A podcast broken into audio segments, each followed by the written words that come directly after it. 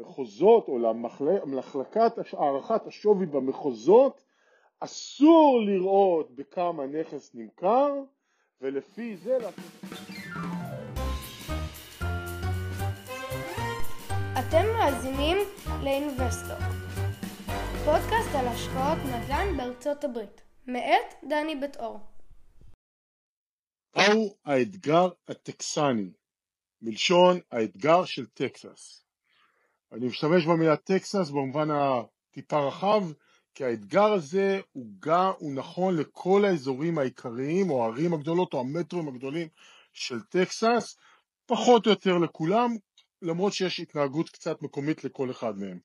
וכשאני מדבר על המטרואים הגדולים של טקסס, אני מתכוון כמובן לאוסטין, דאלאס פור אורס שזה אחד נוסף, יוסטון וסן אנטוניו.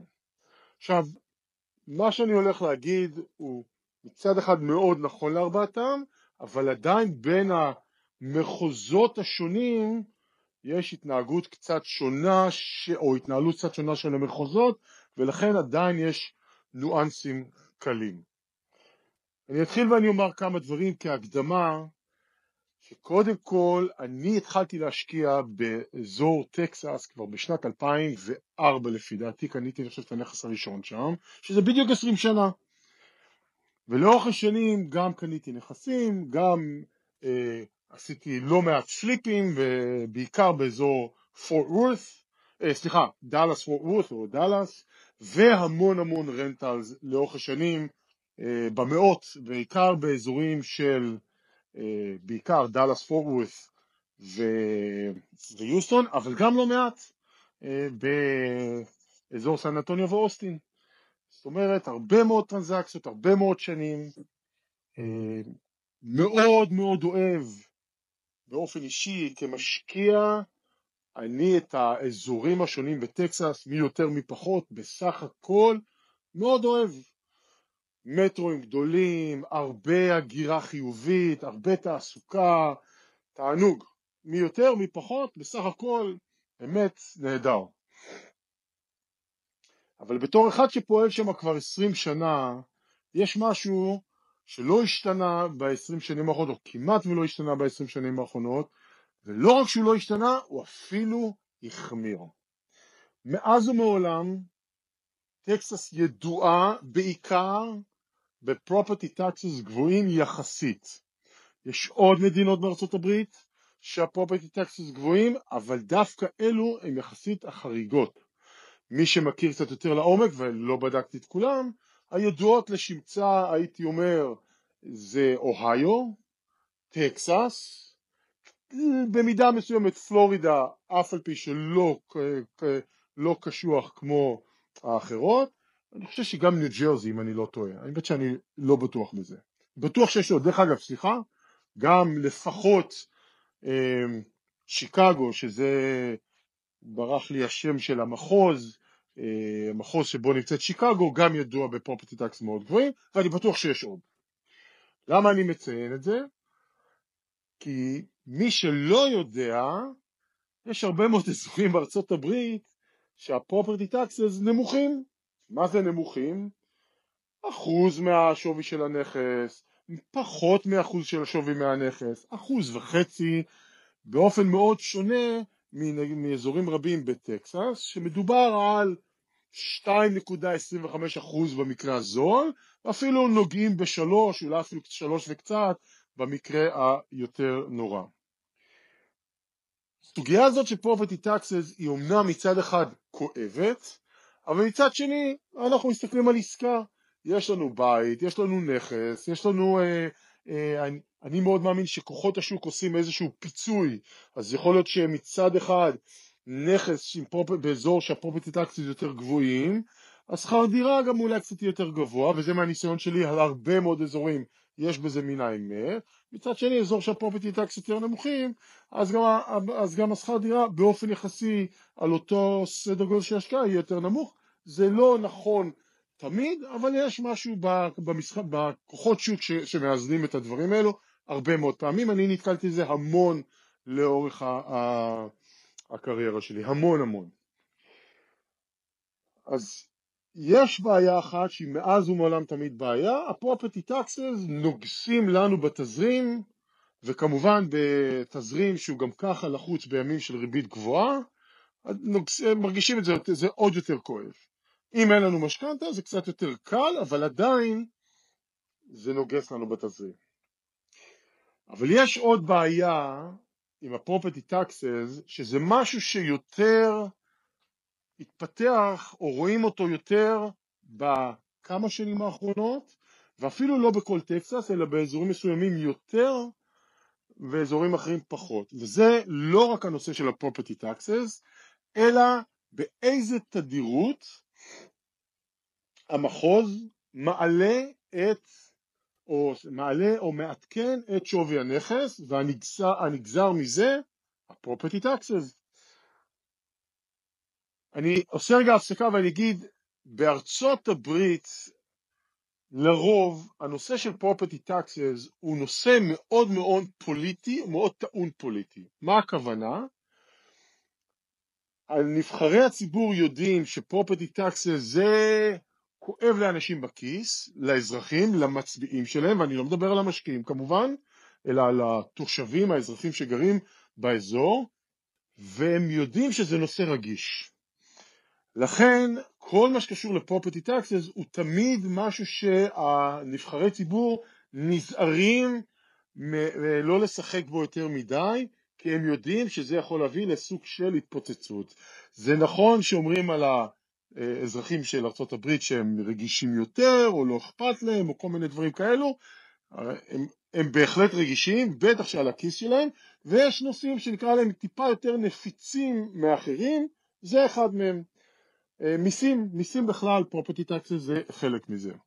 לכן הרבה מאוד, או אפילו הייתי אומר, אפשר אה, להגיד רוב המחוזות או המון מחוזות בארצות הברית, מאוד הם מחשבים את הנושא של השווי נכסים מאוד, אה, נקרא לזה, בעדינות או מוטה כלפי מטה, ולא מעדכנים את השווי על בסיס שנתי, אולי פעם בשנתיים, אולי פעם בשלוש, במילים אחרות, לא נוגעים בזה יותר מדי, אלא קצת. דרך אגב, למי ששם לב, כשמסתכלים באתרי, באתרי הנדל"ן השונים בארצות הברית, הרבה פעמים רואים, אפשר לראות שיש באיזשהו מקום רשום שווי הבית לצורכי מס 175 אלף דולר, אבל השווי שוק שלו 275 אלף דולר, זאת אומרת 100 אלף דולר הבדל, איך זה יכול להיות? זה בדיוק זה. לא רק זה, יש גם מחוזות בארצות הברית או מדינות של אה, וזה שונה ממדינה למדינה, שלמחוזות אה, אה, או למחלקת הערכת השווי במחוזות אסור לראות בכמה נכס נמכר ולפי זה לעשות את החישוב. הם צריכים להפעיל איזשהו מנגנון חישובים של מהו שווי הנכס עצמאי ולא קשור או מחובר לכמה נכס נמכר ולקחת את המספר של המכירה האחרונה ולהשתמש בו. אני אומר את זה בזהירות כי כל הדברים האלו הם טיפה ככה אה, אה, אה, מורכבים והרבה מאוד מחוזות לא בדיוק מסבירים בצורה ברורה איך מבוצע, מבוצע השווי של אה, הערכת השווי של הנכס. זאת אומרת יכול להיות שנצליח לקבל תשובה אבל אני לא בטוח שבאמת נצליח לקבל תשובה ממש טובה איך הם עושים את הערכת שווי הזאת.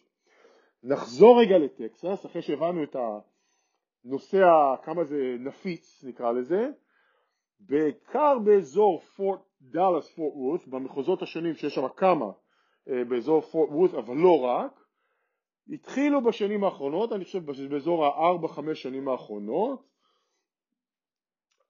לעדכן את שווי הנכסים על בסיס שנתי. עכשיו למה אני אומר התחילו לעדכן? בעבר הם גם היו יכולים לעשות את זה, אבל בחרו שלא. ופתאום למרות שהחוק מאפשר, זאת אומרת זה לא שהחוק אמר מותר והמחוזות לקחו את זה בזהירות, אמרנו הנושא הזה הוא עדין נפיץ ונזהרים ממנו ומשום מה במחוזות מסוימים התחילו לעשות מה שהחוק מאפשר, כל שנה לעדכן את השווי. זה אומר שכל שנה, בעיקר בשנים של עליות, אני כבעל נכס, לא משנה אם אני משקיע או הומונר, רואה גידול או בתשלומי הפרופטי טקסי שלי. זה נכון שאני יכול לערער ולהגיש אה, קובלנה על לא יודע מה, על, על, על הערכות, נכון, אבל זה שאני אערער זה לא אומר שאני אצליח והטענה שלי תתקבל, אולי היא לא תתקבל, והרבה פעמים הן לא מתקבלות. ולכן אנחנו הרבה פעמים נמצאים במצב שלא רק שאנחנו קונים במדינה, אני אדבר כרגע על טקסס, שהפרופרטי טקסס גבוהים, אלא גם אנחנו בעצם בחלק מהמחוזות רואים ששנה אחרי שנה אנחנו בשחיקה אה, תזרימית בגלל שהפרופרטי טקסס ממשיכים לעלות. אז אתגר הטקסס מספר אחד זה ה-high property taxes עם נטייה להתעדכן בתדירות גבוהה כשמצד שני יש לנו מדינות שיש לנו property taxes נמוכים וגם לא מתעדכנים על בסיס שנתי אז זה ממש בוא נגיד הרבה פחות כואב לנו בכיס זה הדבר הראשון הדבר השני זה הנושא של ביטוח, ביטוח נכס. ובהחלט בכמה שנים האחרונות אנחנו רואים תופעה שבטקסס ה-property taxes עולים כל שנה, סליחה, דמי הביטוח, ביטוח הנכס, עולים שנה אחרי שנה ועולים אפילו בצורה משמעותית. ואז נוצר לנו מצב כמשקיעי נדל"ן שקנינו נכסים או שאנחנו, או שקנינו ואנחנו חווים את זה באופן אישי, או שאנחנו עומדים לקנות ואנחנו אפילו אולי לא מודעים לניואנסים הקטנים האלו שמאוד מאוד משפיעים על, ה, על השורה התחתונה שלנו. זאת אומרת זה לא משהו שולי, לא מדובר פה על עוד בין ה-property taxes לביטוח, לא מדובר פה על עוד 200-300 דולר כל שנה, שזה גם לא נחמד, מדובר פה במאות רבות כל שנה בין שני הדברים האלה, ואפילו זה יכול להיות ביחד בין שניהם אפילו מתקרב לכמה אלפים בודדים, 1,500, 2,000 דולר בשנה, זה בהחלט יכול לקרות בין ה-property taxes לביטוח, לביטוח. זאת אומרת, אם אני הולך להשקיע בטקסס, כדאי, כדאי מאוד, ואני מזכיר עוד, תכף אני אחזור עוד פעם לאיכות של טקסס, שאני אבין שמבחינה תזרימית סביר להניח שאני מכניס את עצמי לאזור שהוא קצת יהיה יותר, בוא נגיד, אני קורא לזה בשנים האחרונות הרדיפה אחרי התזרים החיובי. אם קניתי בית בתקופה שהריבית נמוכה, קניתי בטקסס והריבית הייתה נמוכה, אז אני עדיין יש לי את המאבק הזה על, על, על, על, אחרי התזרים שכל שנה גדלות לי הוצאות של הביטוח והמיסי נכס ואם קניתי בתקופה שהריבית יותר גבוהה זה על אחת כמה וכמה זה מקשה עליי ויכול להיות שזה אפילו ימנע ממני להגיע לתזרים חיובי במשך כמה שנים טובות. זה יכול להיות שאני אצליח ל... להפעיל את הערעור על המיסי נכס ויכול להיות שלא. זה נכון, זה לא הכל, עד עכשיו הכל היה נורא נגטיבי, זה נכון שמצד שני גם שווי הנכס שלי עולה, זאת אומרת אם אני כל שנה משלם יותר פרופטי טקס, בדרך כלל זה אומר שגם השווי נכס שלי עלה, סביר להניח, וזה נכון, נכון מאוד, אבל אנחנו הרבה פעמים קונים בשביל, גם בשביל התזרים וגם בשביל העליות ערך, וחלק מהאופן עבודה הוא לנסות ליצור מצב שלפחות על בסיס שנתי אנחנו באיזשהו תזרים חיובי סביר או מינימליסטי שעוזר לנו גם לייצר את התזרים וגם לשמור על איזה buffer ליום, ליום סגרירי וכדומה ולכן מה שאנחנו רואים ממש בשנים האחרונות, בטח שמאז אה, שהריבית התחילה לעלות, שתזרימית מאוד קשה למצוא, הזדמנ... אה, אה, למצוא הזדמנויות שמייצרות תזרים,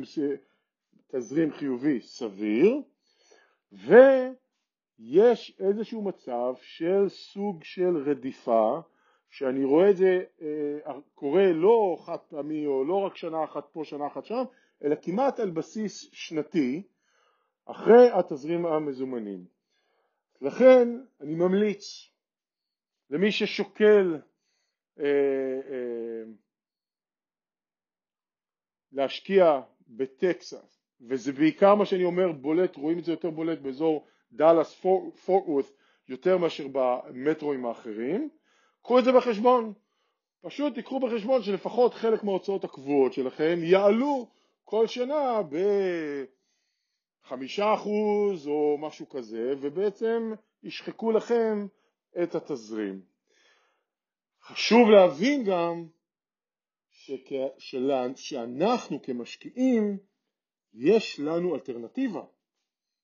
מה זה אומר?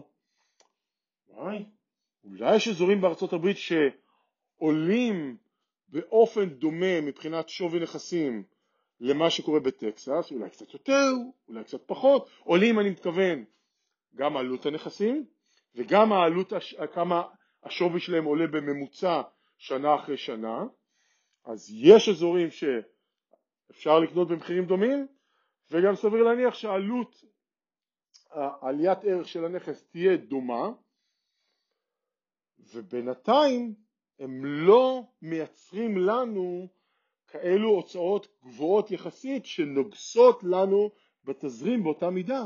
זאת אומרת, במילים אחרות, אפשר לייצר מצב של אזורים אחרים בארצות הברית שנוציא סכום דומה ותזרימית פשוט נקבל יותר, לא נקודתית אלא גם לאורך זמן, בלי לוותר על האיכויות של, של טקסס.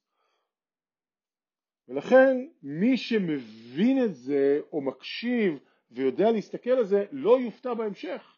להבדיל ממי שיוצא לדרך ואומר וואלה, דאלאס, קאובויז, מקום מעולה, מקום נהדר, מי לא מכיר את האזור הזה, אזור גדול, מטרו גדול, אני מסכים. אני, לא רק שאני מסכים, אני גם מאוד אוהב, ובאמת הרבה מאוד שנים פעלתי שם. היום אנחנו בעיקר מממשים. בשנתיים האחרונות עיקר הפעילות שלנו בדאלאס ויוסטון, כי שם התמקדנו בעשור האחרון, היא לממש נכסים, למכור אותם ולהוציא את האקוטי שנצבר בחמש, שש, שבע, שמונה, עשר שנים האחרונות ולהעביר אותו למקומות אחרים בארצות הברית שייצרו תזרים יותר חזק עבור הלקוחות שלנו. לכן אין מטרת פרק זה להפחיד אתכם מלהשקיע בטקסס. אני לא חושב שמי שישקיע בטקסס באזורים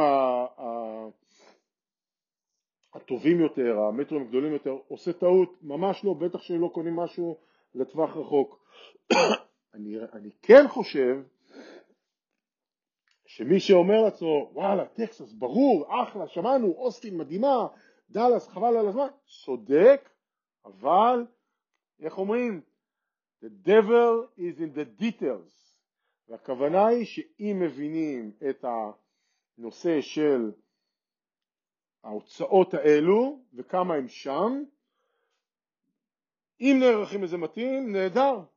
אם לא מבינים שזה קיים וזה לא זניח, תתכוננו להפתעה נחמדה, או לרדיפה מסוימת אחרי להעלות את השכר דירה, או למאבק שנתי לערעור על ה-property taxes, או ואו פעם בשנה לעשות שופינג עם הרבה מאוד חברות ביטוח כדי למצוא את הפוליסה הכי טובה, שגם זה אתגר בפני עצמו.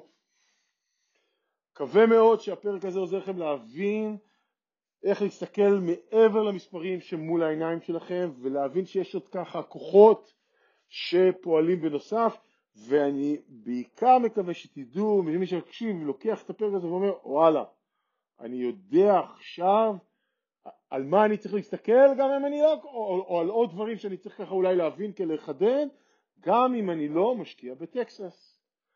תודה על ההקשבה, נתראה בפרק הבא.